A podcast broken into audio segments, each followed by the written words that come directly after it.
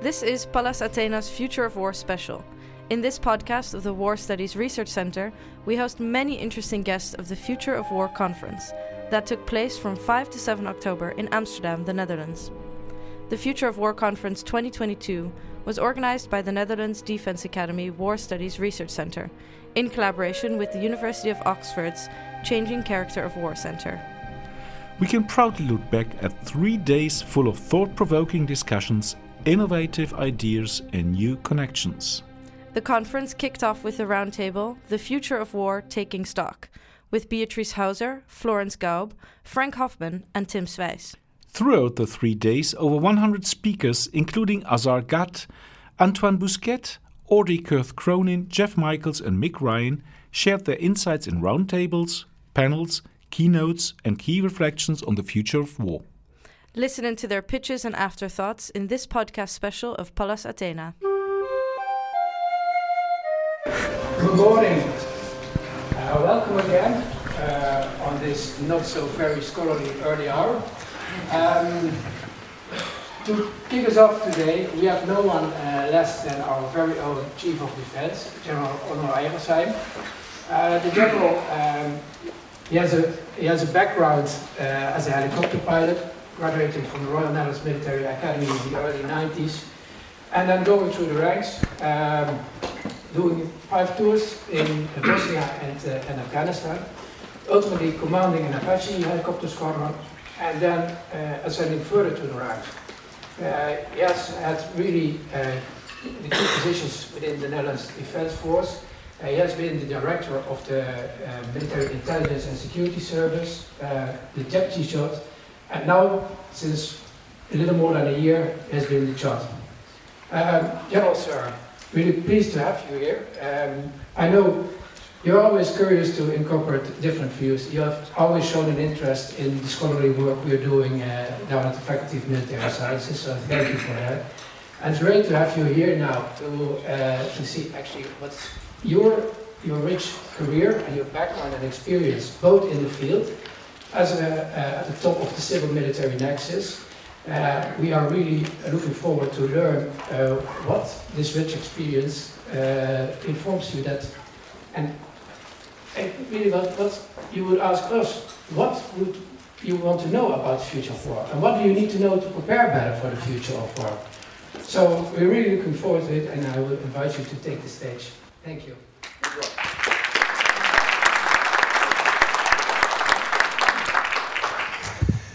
And I think it's also because I need you. It's not that I have the knowledge, you have the knowledge, and we have to make sure that we combine our knowledges and find the right ways to become able to fight the future wars. Um, of course, we are thinking about future wars. Uh, that's my job. But my job is actually five-fold at this moment. I have to make sure that our forces are getting more and more ready than they are than they were actually in the past. At the same time, I have to support the Ukraine with goods that will deplete the readiness of my forces. And third, I have to build new forces with new technology in a new with new capabilities towards the future war. And at the same time, I have to make sure that I can fulfill all the duties that I have to do today for instance, the out-of-area operations that we do in Iraq or in the Sahel, or, or strengthening the eastern flank or the southern flank, or going up, up to the ocean, or do human, humanitarian aid operations. So it's easy to talk about the future war in a way, but it's not easy to get there. The war will be there, but being prepared is, I think, the most hardest element in your forces to be prepared for the war and still fight the war of today. Um, so it is good to be here with you and to speak about future war. And perhaps it is, well, it was Churchill, I, th I think he said that generals are always prepared for the last war. And I hope uh, that in the discussion that we have, that we can prove that not that he was wrong, but at least that we are together wrong and that we can look and prepare ourselves for the future war.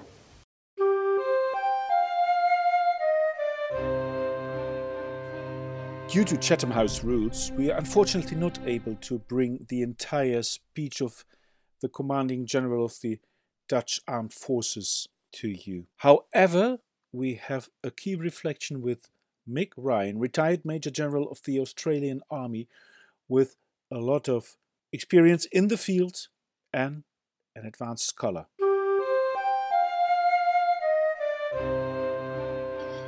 Mick Ryan.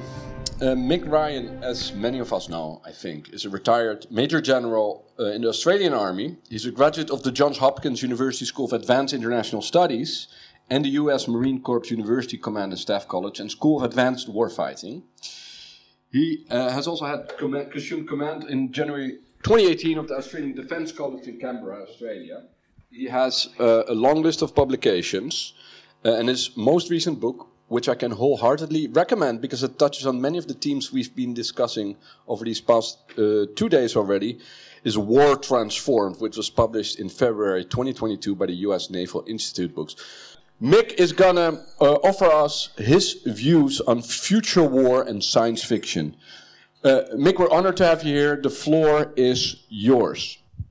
Okay, I think I heard uh, in a very muffled way, the floor is mine. So thanks, Tim. Uh, I really appreciate the invitation to speak here today. I don't have a lot of time, so um, how about I get right into it? I know you have the slides there in front of you, so uh, let's get through them. Uh, I'll structure my presentation around three parts. First part is looking at pre-World War One uh, use of uh, military fiction to think about future warfare. Uh, second part is uh, looking at the Cold War, and the third part is just a, a, look at why science fiction might help us in the future as we think about challenges. Next slide, please. And next slide should be on slide three. So we aren't the first to think about the use of science fiction. Um, so next slide. This case study I want to talk through is pre-World War One military science fiction. Um, Okay, so let's go through to the slide that says the Battle of Dorking. Um, this is really the first military fiction blockbuster. Um, this was a British Army engineer colonel who was pretty dissatisfied with the state of funding of the British Army uh, at the time. Uh, he'd written a whole lot of letters to parliamentarians, nothing happened, so he decided to write a serialized story about an invasion of England. Now, the the nation from which this invading force originated was never stated. However, um, they did speak German, so I'll let you draw your own conclusions there. But this was a this was a massive smash hit, uh, made him quite wealthy. Um, but also, he ended up retiring as a four-star general, so it didn't help his career either. So even back in the 1870s, uh, there were some military institutions that understood you could write publicly and have a military career, uh, unlike some today. Next slide. Um, now, it wasn't just the British who were thinking about the future through the lens of fiction. In Germany, um, you had writers um, that uh, were thinking about the future war, like Bernhardi. He wrote about air fleets uh, well before the First World War. Um, and he was a, it was a really interesting approach to future warfare. And, and I'd note all of these books you can get online for free. Uh, they're well worth a read if, if you have a chance. Next slide. And obviously, at the end of the 1800s, we had War of the Worlds, a, a tremendous story, but it was a it was a book that featured total warfare. It was about the mobilisation of nations. It was about uh, one race seeking to extinguish the other. This wasn't a war of limited aims. This was a war of total aims. And in many respects, it presaged what we saw in the First World War. Next slide. Uh, the French weren't backwards in coming forward in visions of the future. Uh, Albert Robida um, not only published stories, but also uh, some wonderful illustrations of some very interesting land, sea, and air machines, uh, which I've used through throughout this presentation. Um, and he also looked at uh, issues that would come up um, in the First World War, things like railroads, um, aerial bombing, uh, chemical warfare, and uh, even armoured vehicles well before they appeared on the battlefield. Next slide. And perhaps my personal favourite is this book by American author Frank Stockton called The Great War Syndicate. Um, it, it uh, in the late 1800s kind of predicted uh, the military industrial complex where a group of 28 corporate organisations approached US Congress to fight the war against Britain on behalf of the United States. And it featured things like weapons of mass destruction, uh, stealth weapons, and these kind of things. It's a, it's a, a really interesting story. Um, once again, you can download it for free. Uh, well worth reading. And, you know, kind of um, uh, highlighted the relationship that's necessary between uh, the military, the government, and industry in fighting large scale wars, or as what RUSI have recently called industrial scale warfare. Next slide, please. So before World War One, uh, hundreds of novels about future warfare uh, were published across all these countries, and all of them at heart sought to come to grips with the technological revolution that was going on at that point. The second industrial revolution had kicked off uh, in the 1880s, um, and we started to see combustion engines, uh, the birth of flight uh, later on, uh, and a range of technologies, particularly when it comes to chemicals and materials and these kind of things, that would play a massive role in the First World War. And these uh, stories uh, were partly an attempt to uh, deal with these technologies, but also partly an attempt to deal with the impact of these technologies on military institutions and society more broadly. And I think uh, there's some useful lessons in that for us. Next slide. So the second case study, and I'm sorry to go through this quickly, but I hope you might be able to peruse these slides at your leisure. Um, the second case study I think is really interesting. It's the Cold War. I mean, it was during the Cold War we really saw the birth of modern science fiction and military science fiction. And I've called this an era of aliens, invasions, and end of the world. Next slide. Um, unlike at the end of the 19th century and the start of the 20th century, science fiction expanded out beyond books and uh, magazines. You started to see films, and uh, later on, you started to see television start to appear. So there was a whole lot of other mediums by which uh, authors uh, and storytellers could um, reach audiences uh, across society. And we might recall that the post World War II era, uh, some have called the third industrial revolution, um, nuclear power we've seen uh, developed, um, space travel, um, intercontinental ballistic missiles, and, and, most importantly, the computer, and then eventually ARPANET, which became the internet. Next slide. So one of the key themes in post-World War II science fiction was alien invasion films. You know, these were stories about the other. It used aliens as a, a replacement for the Reds under the beds or whatever threat uh, that different countries might be trying to deal with. Um, but it also posed interesting questions about the lengths to which free societies, democracies, were willing to go to preserve their freedoms. Uh, and there's just a few uh, of the movies there. There's there's many, many that you, you could go through and, and have a look that represent these themes. Next slide, please.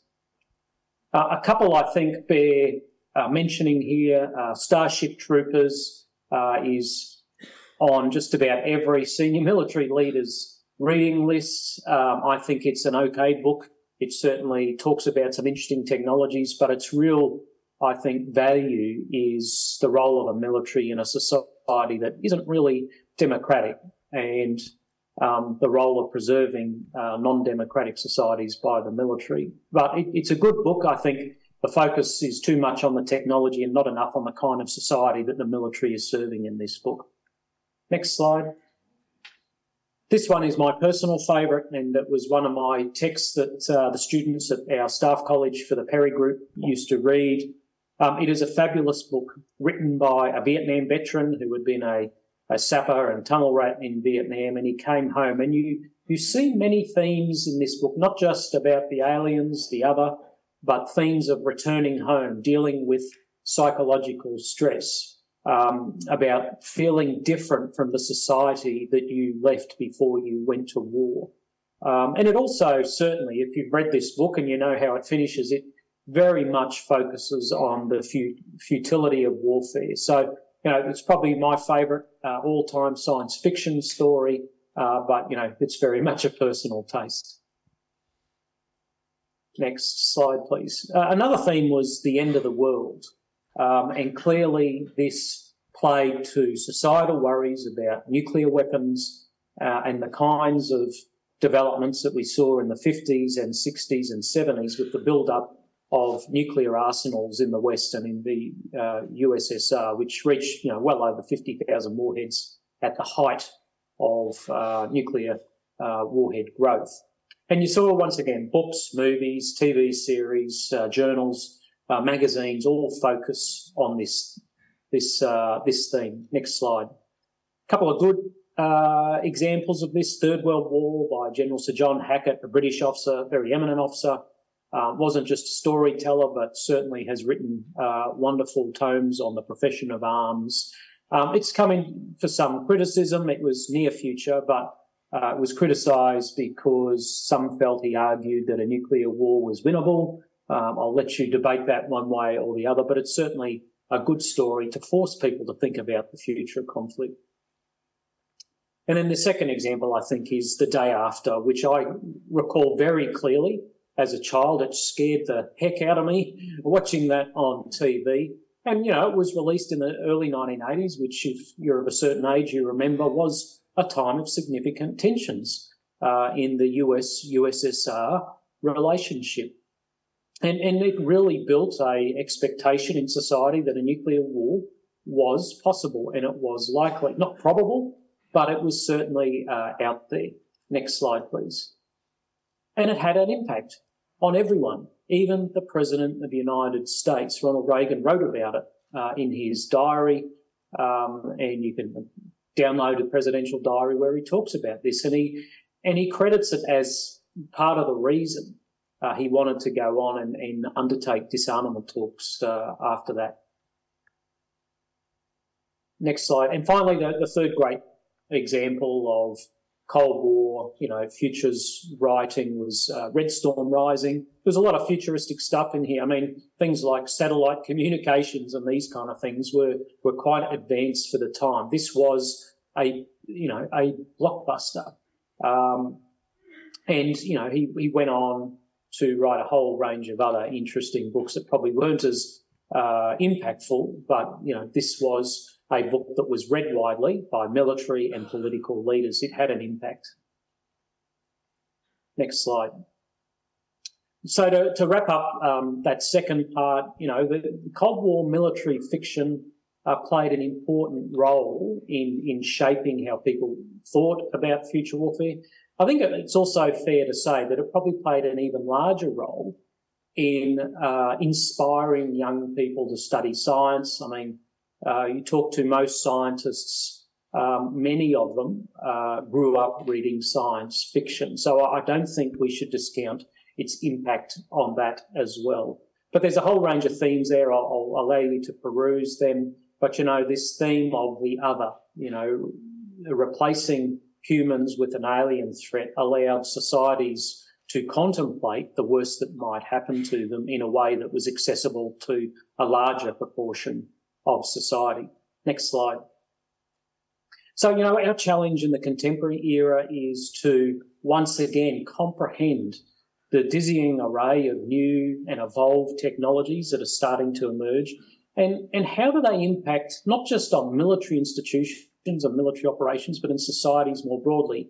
Uh, and whether it's uh, national security activities such as civil defence or intelligence collection and these kind of things. So they have utility for the military, but they these stories have much, much broader utility uh, for a range of different endeavours. And that's why, you know, when I was Commander of Defence College for four years, we ran an elective where generally about a quarter to a third of students did it voluntarily in their own time to use science fiction to think and write about future problems. And that was sponsored by our Chief of Defence Force.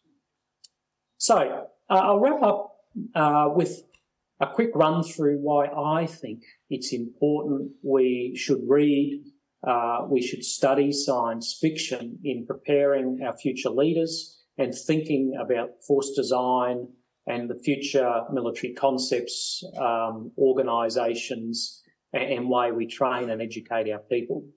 Uh, next slide.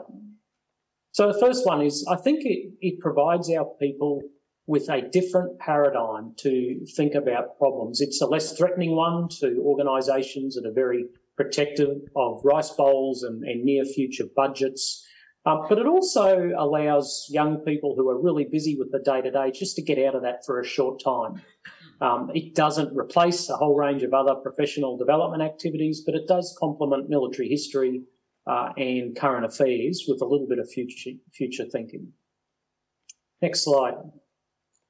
The second reason I think is that it really can assist in nurturing innovative thought and taking risk with new ideas. It's much easier to take risk with new ideas in a in a narrative format, in, in a fictional uh, format, than it is uh, looking at a current organisation. And, and and given most Western militaries at present are reasonably risk adverse when it comes to thinking about the future, um, I think this is a really important way for us to nurture creativity and allow our people to communicate different ideas and develop a diverse array of ideas in our institutions. Uh, that story on the right, An Eye to a Storm, was a story we had commissioned by Peter Singer and August Cole, looking at the future of training and education in the Australian military, looking out to about 2040.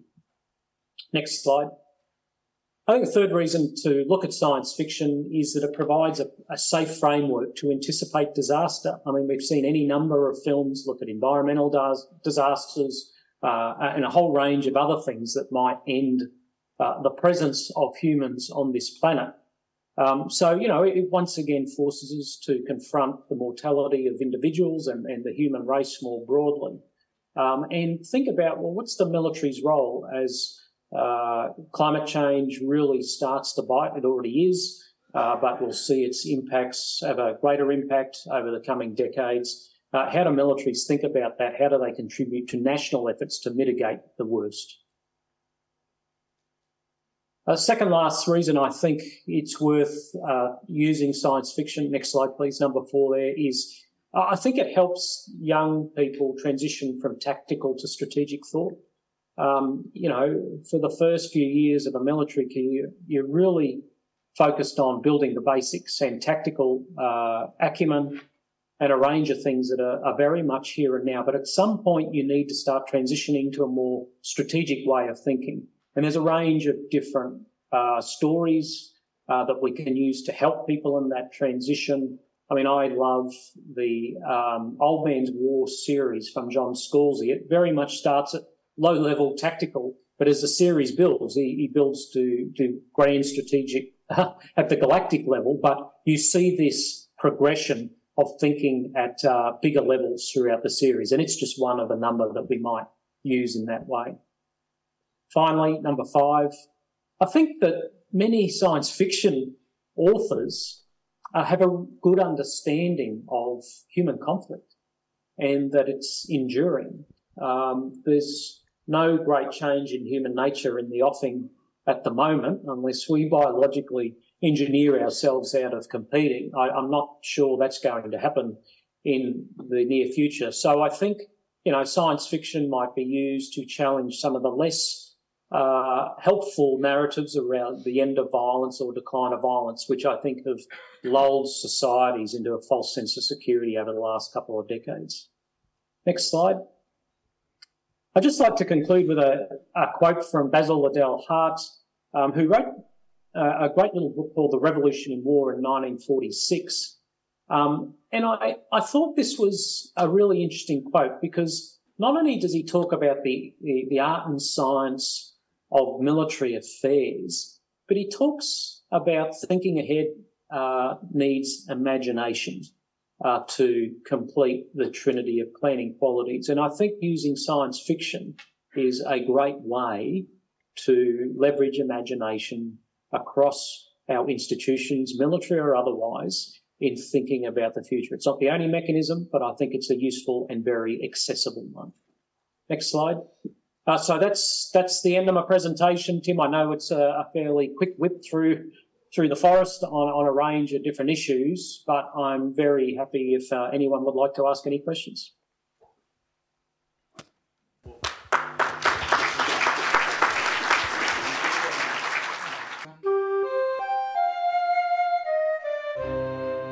We are here right now with Frank Hoffman, who just chaired the panel The Future as People's War with David Betz and Jan Willem Honig.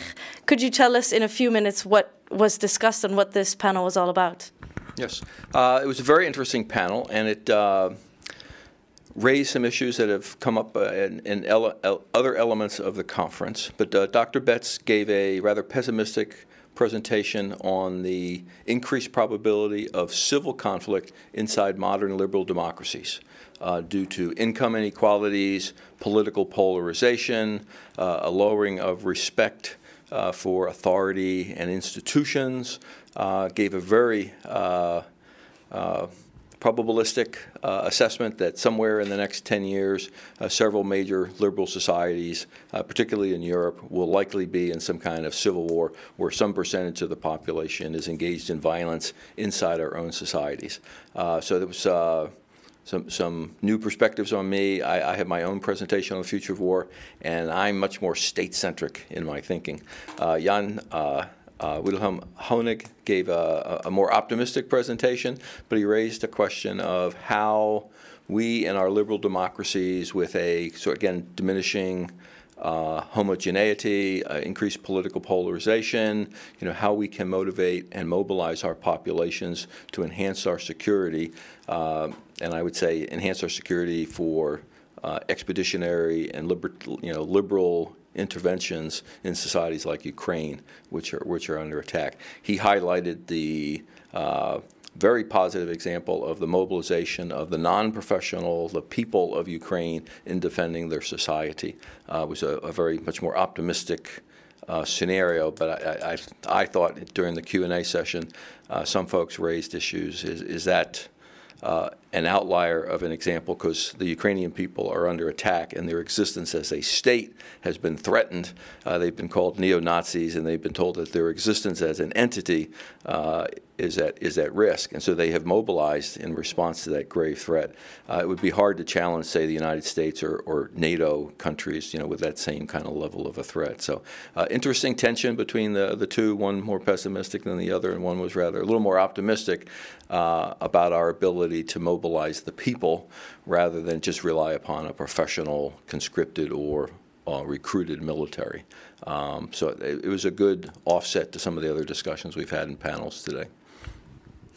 And do you think that that idea of mobilization potential is something we can predict or can try and understand looking towards the future?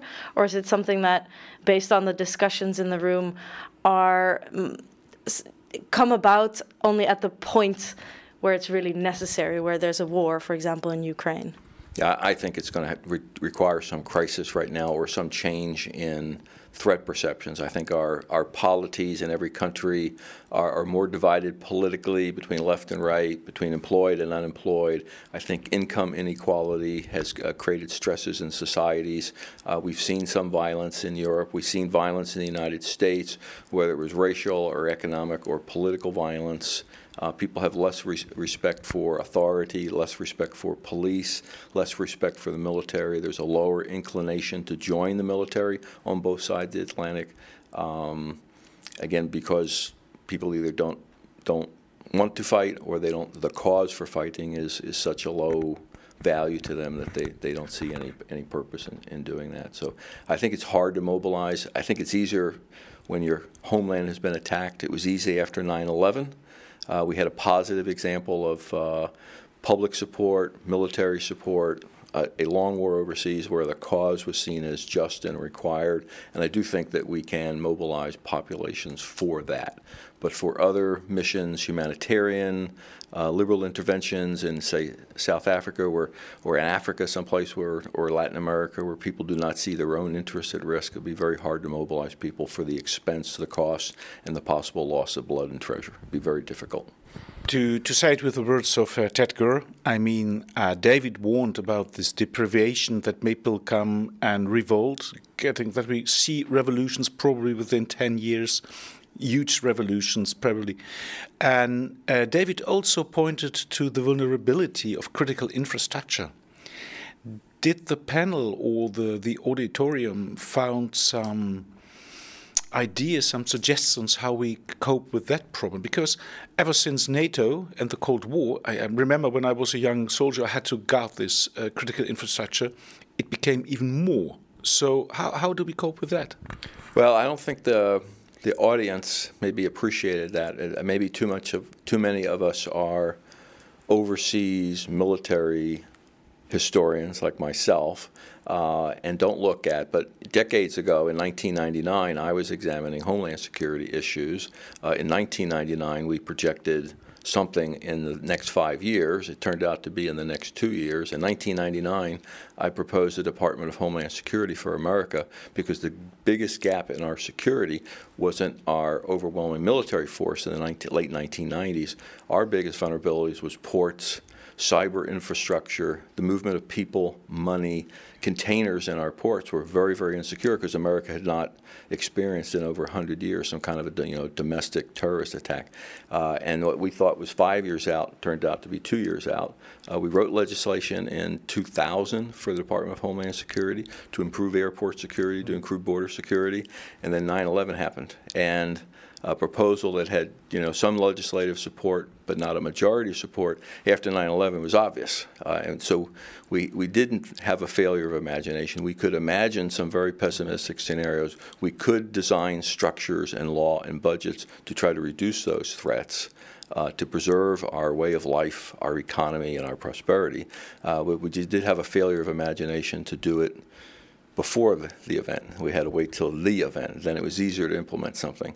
But again, some of our you know strategic cultures of our societies in Britain and the United States, where I'm more familiar, you know, domestic police activities. You know, we like fragmentation. Uh, we don't want a police state. It's very uh, destabilizing and uncomfortable in America to see uh, the kind of security I see here at the airport or in Berlin when I was a young person in the 70s. I, I traveled through Germany quite a bit, and to see, you know, in the post-Munich world, uh, there was, you know, vehicles and uniforms that in America you just don't see in the airports per se. You know, seven men with long arms. Yeah. Uh, patrolling the airport is something that you know we're uncomfortable with. We don't like that in our society, mm-hmm. uh, but this is the world we live in.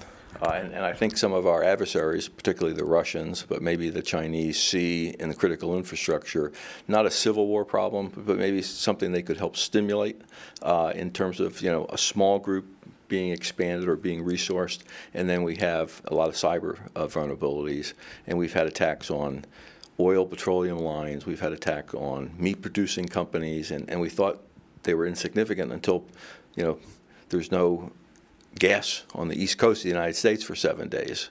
Uh, and the price goes from four dollars to eight dollars in one week. Gets a lot of people's attention. They realize how much is at risk. Uh, people may take and accept more surveillance, may take more home security, and be less interested in Ukraine and other things when their own homeland's at risk. And we have created, because of the technology and the level of integration in our economies and how important cyber and information security is, we've created a very vulnerable society. And people don't need to send missiles anymore if they want to coerce you. They can shut down your city, they can shut down your water sewage, they can shut down your highway system, they can shut down uh, the radar systems that run an airport uh, and, and get your attention and coerce you to stop doing something else that you want to do, like supporting Ukraine or supporting NATO or supporting the Baltics, uh, kinds of things. So there are some grave vulnerabilities we created by the nature of the positive things we've done with our societies and our, our economies.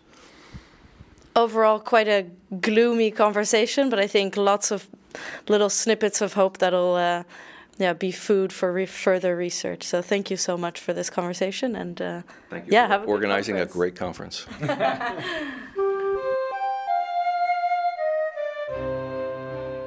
We're here today with Ronald T., who presented his paper on logistics on the future battlefield disperse, disaggregate, or die. Can you give us a quick pitch on your paper? Yes, I certainly can give you a quick pitch. The elevator pitch is this. Uh, modern warfare is changing the face of the battle space, and our uh, our way of organising units behind lines, the so-called rear areas, which no longer exist, has also got to change. So we need to disaggregate and work in a dispersed manner. Otherwise, the risk is we'll be targeted and we will literally die. Is there an acceptance of this new way of thinking within the military, or has logistics kind of maintained the sort of last resort or the last thing people think about in the, the rear end? It's interesting you should say that. I've finished teaching at a NATO college, and what's being taught in those colleges is very much the old version of logistics that, that there are safe rear areas, that it's safe to aggregate, that you need to aggregate to operate. I think there's a growing awareness within NATO, especially in light of the current Russo Ukrainian war, that dispersal is necessary. But like most things in warfare, change doesn't happen until people die. So unfortunately, I think the lessons are going to be learned after we fight, start fighting the next war. Can you already give some lessons learned or can you give some direction for solutions? Yes, I can. The solution is, as I've said, is to disperse. So there's plenty of footage of Ukrainian unmanned aerial systems hitting Russian command posts and. Uh, command nodes that are aggregated. So, in one of them, which comes to mind immediately, you can actually see a whole lot of containers grouped together and one artillery shell with a, uh, a a circular um, error probability of, of six metres and a radius of uh, maybe 200 metres destroys the entire facility, the entire node in one hit. That's what we have to avoid. But to avoid that and disperse also means we've got to run our so called rear area nodes and we have to exercise command and control in a slightly different way. What way? The way is actually in mission command. So if you're going to operate in a disaggregated, uh, dispersed fashion, the principles of mission command, that is, uh, knowledge of the commander's intent, and delegation of authority to the lowest practical level has to be truly emphasised. And in my own personal opinion, at least in my military, the Australian Defence Force, I don't think that that's actually practiced. It's talked about, it's taught, but it's not actually practiced. The same is true, I would say, for most of the Western forces and NATO. So, how can we make logistics as a concept? let's say, sexier within military thinking. Because a lot of the times, logistics is something that a department or part of the military operation or part of a military team thinks about and is not put front and center. How can we make that make that shift? My goodness, making logistics sexier would be like making economics more interesting. this is the problem with logistics. It's it's never been sexy and it never will be sexy. I opened my talk with the comment that logistics is like chicken soup. Everyone likes it, everyone knows about it, and that's the extent of their knowledge about chicken soup. So uh, I think we get this problem. I face this problem in my professional career, explaining logistics to uh, usually superior officers who have no idea of logistics, but it comes to the fore to the, uh, the front and centre when something goes wrong. Being a military medical logistician, uh, military uh, medical assets are often a rate limiting step, and we don't often uh, exercise these in training, but in real life, when I've deployed in operations, commanders become acutely sensitive of the medical liabilities. So the Cinderella of training that everyone disregards suddenly becomes a very critical issue, especially since it has uh, politico social implications at much higher levels. So, my short answer to your question about how can we make this front and centre is I don't think we can. I think we can only give it its emphasis when it's tested in battle, and unfortunately, that's what the Russians are learning in Ukraine at the moment. Many lessons to learn. Well, we're very happy to have you here with us today to teach us more about logistics. So, thanks again for being here. You're very welcome. Thank you. We're here with Audrey Kurth Cronin, and she will give us a quick pitch on the keynote Military Technological Innovation in the Digital Age. Thank you, Dorith, and I'm very honored and happy to be here.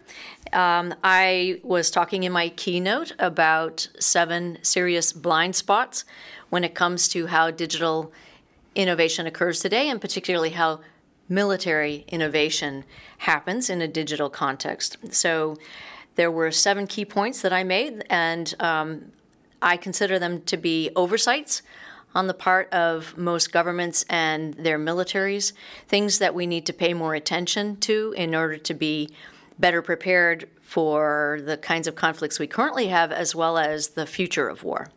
So, the first key blind spot is that we're using the wrong historical precedent. Virtually all of our research and all of the um, vocabulary that we use and the sort of mental frameworks that we have with respect to military technological innovation relate to the Cold War. And yet, the historical situation that we're in is nothing like the Cold War, because during the Cold War, you had states who were able to control their technological innovation. The second key blind spot is that we talk about offset strategies, and this particularly uh, this point is addressed particularly to the United States, which has um, made the argument, particularly in the Pentagon, that we need to offset the advantages of uh, China in the same that way that we did during the Cold War, offsetting the advantages of the Soviet Union. And my point in my keynote was that um, it's not a matter of offsetting China's advantages because, in many cases, China is catching up uh, and occasionally um, uh, equal to the Western countries, particularly the United States. So, offsetting is the wrong way to think about it. That was the second blind spot. Third one is using counterproliferation concepts in a world where technologies are not really proliferating, they're diffusing. And um, biotechnology is a good example of that, where using a proliferation structure is not going to help us control the advan- advances in biology that could end up on the battlefield by um, a decade from now. Fourth is professional military education that's not well suited to the digital age. We're not teaching our senior military and mid level military uh, members sufficient technological knowledge to be able to make good decisions um, with respect to deployment and use of major technologies, um, including quantum computing, uh, the various forms of artificial intelligence, and all the rest of them in the digital age. And so I was arguing very um, passionately because I used to teach in professional military education, arguing, I, I hope, um, convincingly, that we need to increase the technological education of our military members. And then the fifth point was that the concept of military technological innovation itself, that phrase, which I've even included in my own title, is misleading because the technological innovation that really matters is mostly happening in commercial companies and not being well integrated into military use. And then sixth is the same argument, but the flip side, which is that civilian technological innovation is not non military, because as we can see in the war in Ukraine, the civilian technologies there are um, having an extremely important um, military impact with respect to defense in Ukraine. And then the last point that I made was that instead of using adaptation under fire, which is a a kind of a phrase that many people who discuss the history of um, the use of military force talk about, that um, militaries quickly respond to the outbreak of a war. Instead of using that framework, we need to adapt before fire because if you don't have a civilian population that is ready to respond and technologically savvy and understanding that it needs to be psychologically resilient to the kinds of attacks that, that are directed at it through cyberspace and other information operations. If you don't have that sophisticated civilian uh, defense and resilience, you're going to lose the war before it even breaks out. So, in short, are we doing technological innovation wrong, or is the innovation itself not the or the only solution to today's security problems? Well, I think we're behind the curve in how we do technological innovation. I'm not saying that every aspect of how we do our innovation is wrong, but we are missing these seven key points that are holding us back and will seriously hurt us in the future. Can you give us probably some ways, solutions? Do you have some ideas how we can overcome those seven problems? Well, some of those solutions relate to those of us who only do strategy and theory um, and who are in social sciences and history and um, don't take the time to actually learn the technical information about the technologies that we jump to conclusions on. So, for example, uh, you need to not just talk about AI systems, but also know something about how machine learning works and what types of machine learning are um, relevant to the point that you're making. I, I, find a lot of glossing over of technologies, biotechnology, quantum technology, by social scientists um, who haven't really taken the time to learn the the um, details. I, so that's the first thing that should happen. People like me, I am not a science and technology person by nature, but I've spent a lot of time trying, and I know I still need to do more work on it. Uh, trying to become more technologically sophisticated because I think we tend to make superficial arguments sometimes. And then, by the same token, the computer science engineers, um, those who are building our systems, do not understand strategy and theory. So we need to be able to teach those who ha- understand and are developing our technologies the implications of their brilliant technologies with respect to strategy as well. So it's the two sides not talking to each other. And the, the most important response and um, answer to the questions that I've laid out would be to try to do more interdisciplinary work and make sure that we don't have this huge chasm between those who build the technologies and those who deploy them. Do you think language and the ways uh, people communicate and the terminology they use and the concepts that they have within these different communities of practice will become a barrier to creating that broader network or broader community um, and interdisciplinary engagement? I think it already has been a barrier. I think we're about um, eight to ten years behind where we should be, partly because of those barriers of language, vocabulary, and intellectual frameworks. So um, that would be another solution. That's part of the solution, I would say, to try to test your assumptions and make sure that you're more open minded. Thank you for giving us further insights into these seven um, gaps that we have in military technological innovation and some tips and tricks for how we can move forward. Thank you again, Audrey Kurth Cronin, for being with us today. It's been a pleasure. Thank you. Unfortunately, the conference already ended, but there are so many great papers. We would love that the authors are giving a short pitch that we now have via Zoom James D. Kiras with his great paper, Special Operations in Galaxies and Metaverses, Reality or Fantasy. James, could you please give a short pitch of the content of your paper? Uh, I'd be happy to, York. Thanks so much. Um, you know, the, the fascinating thing is I could go ahead and answer this question almost immediately and say uh, it's more fantasy than it is reality. Or let me put it a slightly different way um, there are dimensions of technological fantasism that uh, both the space and the cyber, and to some extent as well, the special operations community indulge in.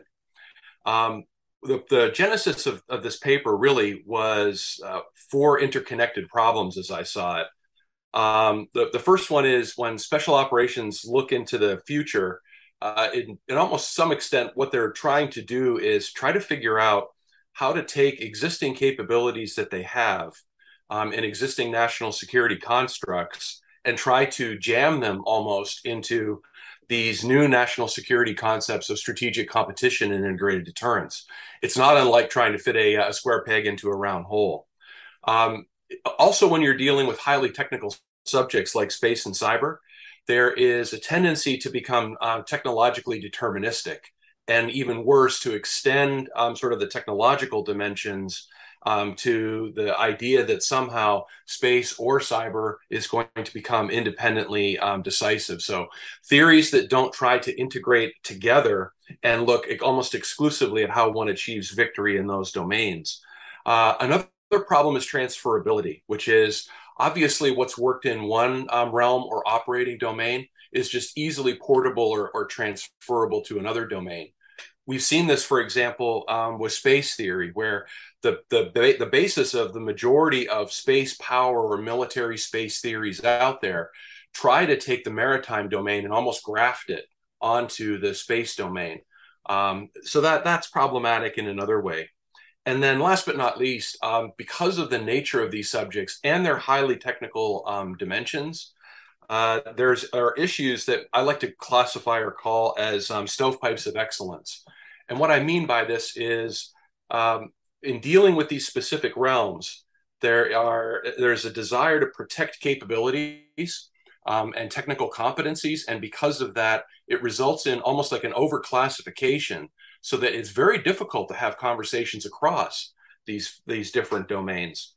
So to try to get out of this, uh, to try to get out of these, and, and to help solve um, solve this problem, um, what I thought I would do is rather than not get myself in trouble and talk about uh, capabilities to which I've been um, privileged to have access, uh, I, I, looked instead at Russian and Chinese views. So uh, there was a, an approach that um, Western military analysts took in the 1940s um, and 50s, which was really trying to get an understanding of what was going on on the other side of the hill. And what they meant by the other side of the hill, quoting um, uh, Lord Wellington, was really to try to figure out what's what's what's going on in the adversary sort of calculus and their calculations. So I looked at a range of different source material. Um, there isn't doctrine as we understand it in the West per se, but there are a, a fairly sizable um, volume of translated writings that are available now um, in, uh, from Chinese as well as from Russian. And I've tried to draw upon a number of these. The, the short version of this really is that Russian and Chinese analysts have paid exceptional attention to Western military operations since the Gulf War in 1991, and have you know dissected it in their their you know version of scientific socialism to try to crack the nut, as it were, of what future conventional war is going to look like. And I should sort of um, say that up front. I'm really interested more in the conventional warfare problem um, for one primary reason, which is it's the most dangerous case um, that Western militaries are going to face.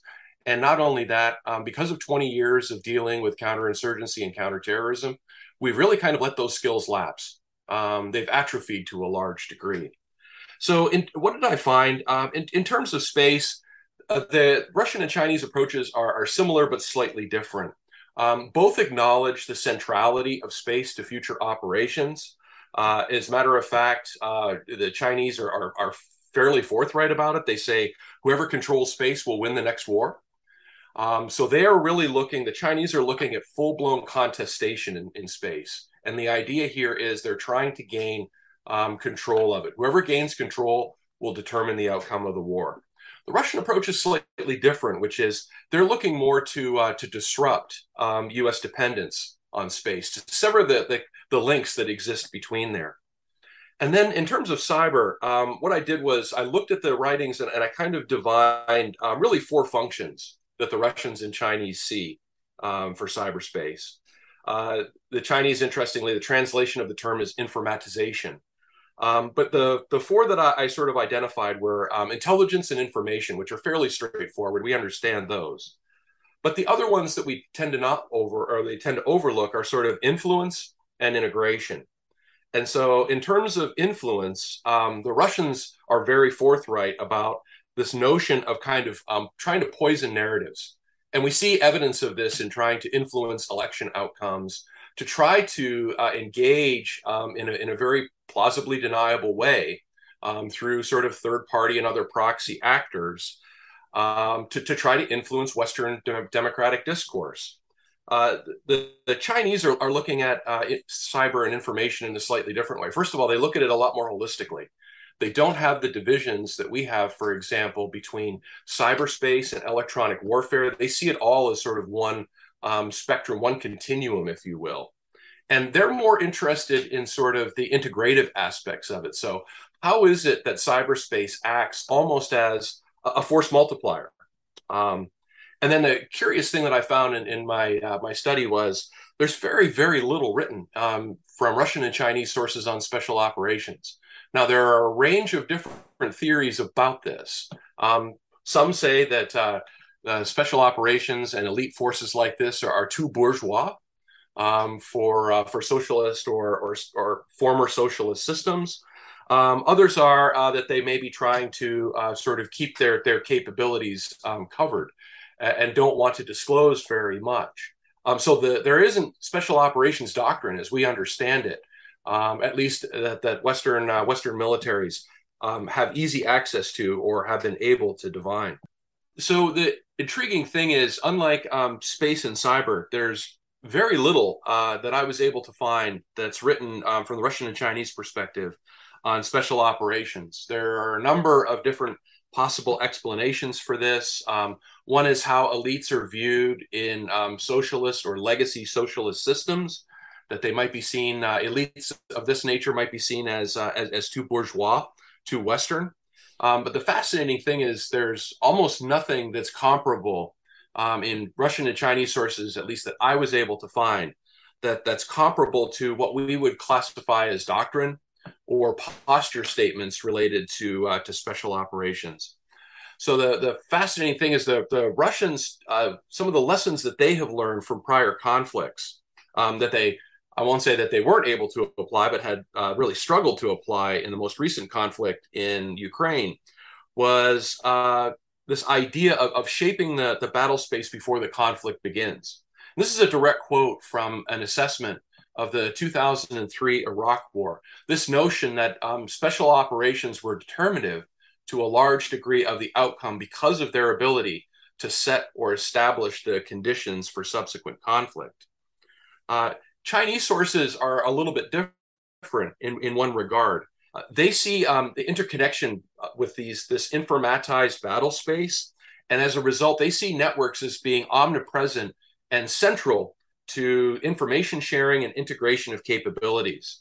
And so, one of the things that they have identified, at least, a role for their special operations that's a little bit different from ours, is both the use of what they classify as hard and soft means against these networks. So um, everything up up to uh, including destruction on the hard end, sort of destruction of, of terminals or um, network centers, uh, all the way down to sort of jamming, spoofing, or temporarily taking networks offline. So the analysis of space and cyber and special operations led me to develop kind of my own uh, method of analysis. So the basis for it really was kind of a, a deductive model. And what I was looking for here was to try to identify some of the unique qualities and attributes of both space and cyber and map them out and kind of overlay them. And then also look at special operations as another layer on top of that. So, uh, in, in essence, what I was trying to do was map space and cyberspace conceptually. And this led me to a number of different um, system attributes. The first was um, looking at different layers or levels of analysis. And the second was, uh, and this really came from more of the cyberspace realm, um, looking at uh, different types of networks. So the end result in the paper, at least, was the development of a map, an integrated map, if you will, that contained a look at both um, structural and social network dimensions of space and cyberspace, um, as well as different layers, which you can include um, both the strategic, operational, and tactical, as well as within the cyber realm, the physical, the virtual, and the syntactic. Um, why, why did I do this? Well, first of all, so that special operations can approach uh, cyber and space in, in a slightly more um, analytically rigorous manner to, to really try to look at all domain warfare, particularly conventional all domain warfare in the future. And, and why was I trying to do this? uh, really to try to determine, you know, some of the focus areas that special operations um, should really consider, as well as the converse. Um, there are some distractions that the special operations community is engaged in right now in trying to sort of find their role in both strategic competition and integrated deterrence. And I think that uh, using a model of this nature might be helpful, useful at least, in determining um, the capabilities that special operations might require for the future, the different resources that, that might be necessary, as well as um, any sort of legal authorities. So that was uh, uh, just a very brief overview of the paper. Thanks so much, James. I have a question about the first problem that you outlined, which uh, speaking about existing capabilities and trying to jam these or to fit these into new concepts, because I think this taps into a problem that's uh, quite widely um, relevant within the armed forces. So not just the special forces, but I, I, it'd be nice if you can apply it to that case. Uh, and the question is, concepts often develop much faster than capabilities. So how can we prevent this problem from reoccurring? Looking at special operations specifically in space and cyber. Well, I think we need to make a, a differentiation here. When you say, um, you know, concepts develop faster, um, I, we need to make a, a differentiation between um, sort of overarching driving national security um, or, or, sort of strategic level concepts and operational ones. Um, I, I won't say that they have a, a, a, different time scale, a different time horizon, but I, I think I'm on fairly safe ground when I say that a lot of times we develop um, sort of these strategic overarching um, concepts that don't that aren't necessarily uh, as fully fleshed out as they need to be for militaries to be able to translate those into capability. So what ends up happening to a large extent is, um, and I'm particularly talking about the American context, but it applies to almost uh, almost any uh, any Western military. Is is this idea of well, then you start interpreting it through the the lens of, of what you know how to do. So, for example, in terms of strategic competition, um, the United States Army is going to sort of look and interpret that in lieu of other guidance uh, according to the, the capabilities it already sort of has on the drawing board. Um, much of the same is true of the United States Navy, um, the, the uh, U.S. Air Force, and, and now um, the United States um, Space Force as well. Um, what was the second part of your question, Dorothy? I'm sorry. No worries. Uh, yeah, how how we can prevent this from happening if we look at future operations and future concepts and and um, capabilities. How can we prevent that tendency to try and fit existing capabilities into new concepts? I don't know that that's a trap we're ever going to be able to entirely escape. And part of the reason that I say that, I'm not being pessimistic here. It's just that the nature of, of military acquisition and capability acquisition is such that it has you know such long lead times right now. Uh, you know, major programs of record take somewhere in the neighborhood of 10 to 20 years to come to fruition. Um, the, the intriguing thing is that it's it's not so much a, question of uh, capability agility as it is, I would say, um, almost an unnecessary uh, focus. And, and and I mean, when I say focus, I'm talking like tunnel vision focus here on trying to both purchase capability, but also an equal tunnel vision um, when it comes to trying to tease out and divine what these new um, overarching strategic concepts mean for for the different services. Um, I, have been around the national security uh, enterprise now long enough to have seen this come around. Uh, first of all, in the in the early um, in the early 2000s, prior to 9/11, then with 9/11, the almost immediate shift to uh, to counterterrorism, then a shift to to counterinsurgency, and you know now 20 years later, a return all a return back to uh, great power and then strategic competition. The, my my point here is I don't know that that is it's not a trap, but I, I think that this is a almost a paradox, which is you, you can never have entirely the, uh, the the capability portfolio that you're going to need for future conflict because uh, circumstances may change. And we often forget in this that adversaries um, have their own agency and will too. I, I, don't want to use the phrase the enemy gets a vote, but to a large extent, um, enemies have are operating on their own um, sort of time scales um, according to their, their own outcomes. And because of this, uh, there's the lead time that we would like to prefer. I almost compare it to the uh, to the interwar period where you know the, the british for a period of time were operating on a 10 year rule. There's going to be you know no war for 10 years. Um, so they they went on almost like a, a procurement a capability holiday for that period of time. And it left them really in the, the late 1930s scrambling because of this assumption that there's not going to be conflict for 10 years. We can put that off into the future. Um, developing uh, you know capabilities uh, i mean do that. Um, anyway uh, that's just some thoughts on it Thank you very much, James, for sharing your thoughts with us here at Pallas Athena Special from the Future of War Conference. Uh, you're, you're quite welcome, and thank you for the opportunity to do so. Thank you for being with us, James.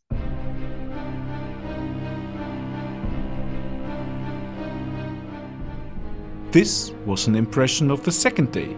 Don't forget to listen to the last episode.